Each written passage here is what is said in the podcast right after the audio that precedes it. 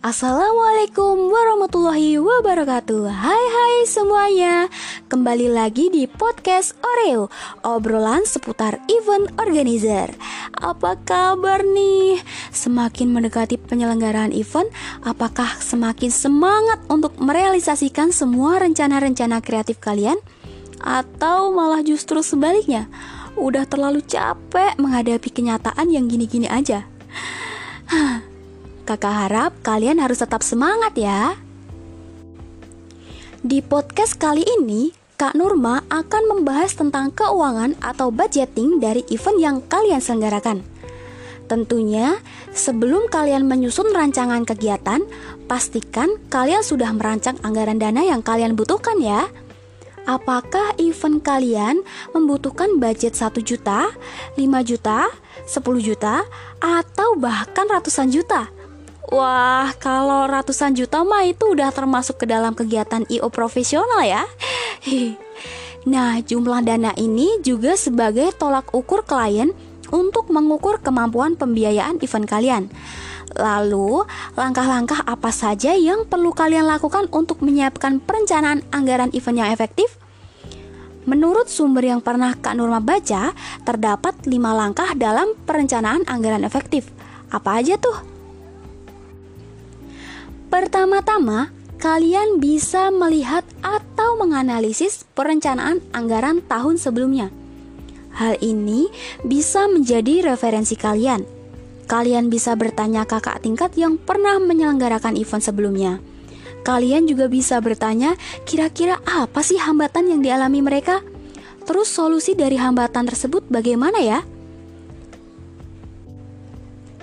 Dengan demikian, Selain kalian akan mendapatkan gambaran keuangan event, hal itu akan sekaligus menjadi pembelajaran berharga untuk pelaksanaan event kalian. Kedua, melakukan survei harga. Apa saja sih yang perlu disurvei? Ya, semua hal yang berhubungan dengan event, seperti biaya publikasi, biaya peralatan, hingga honor narasumber.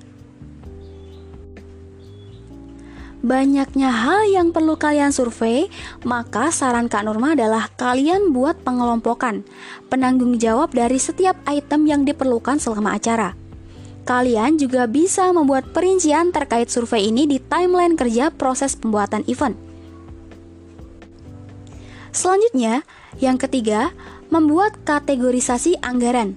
Tujuannya adalah untuk memudahkan kalian menyusun pos pengeluaran agar mengetahui berapa sih pengeluaran yang dibutuhkan pada event kalian. Setelah itu, kalian bisa menentukan mana yang menjadi prioritas pengeluaran. Jangan sampai kalian salah langkah dalam mengatur keuangan ya, karena akibatnya akan sangat fatal nantinya. Dengan melakukan kategorisasi pengeluaran, maka siklus keuangan kalian akan menjadi lebih sehat dan teratur. Keempat, membuat perhitungan biaya tiket. Ada banyak hal yang harus dipertimbangkan terkait tiketing nih.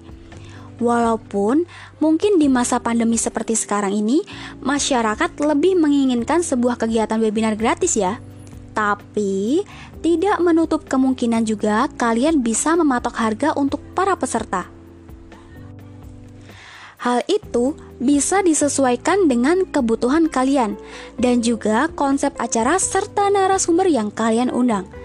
Bisa saja kalian mematok harga yang lumayan tinggi, namun dengan harga segitu, kalian bisa menampilkan sebuah webinar yang luar biasa, alias lain dari yang lain. Nah, jika event kalian berbayar, langkah pertama yang harus kalian ambil adalah dengan melakukan riset terkait cara penjualan yang efektif.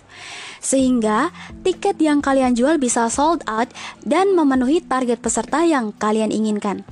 Apakah kalian akan menjual tiket melalui media partner?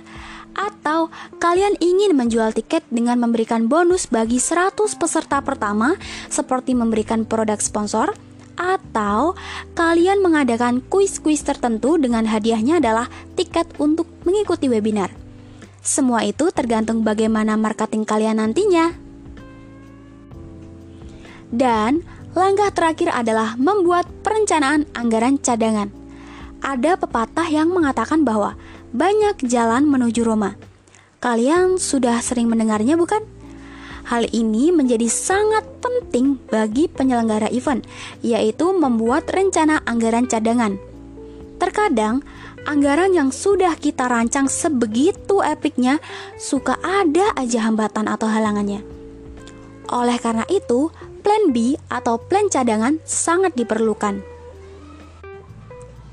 Jangan sampai event kalian menjadi berantakan hanya karena rencana awal ternyata di luar ekspektasi ya. Misalnya, amit-amit nih, penjualan tiket tidak sesuai target, kegagalan dalam mencari sponsor, kurangnya donatur, dan berbagai aspek lainnya. Eits, meskipun ada rencana cadangan, kalian tidak boleh pesimis dengan rencana awal ya harus tetap semangat untuk merealisasikan event terbaik kalian.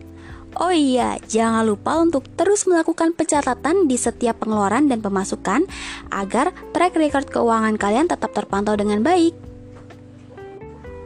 Gimana? Udah cukup tergambarkan terkait budgeting event? Mungkin cukup sekian informasi yang dapat Kak Nurma sampaikan terkait budgeting event. Kurang dan lebihnya kakak mohon maaf. Dan untuk tugas praktikum minggu ke-12 adalah menyampaikan laporan progres seperti biasanya. Ditambah, kira-kira persiapan kalian terkait pra-event secara non-teknis yang sebentar lagi akan kalian laksanakan itu seperti apa? Stay safe and keep it up. See you.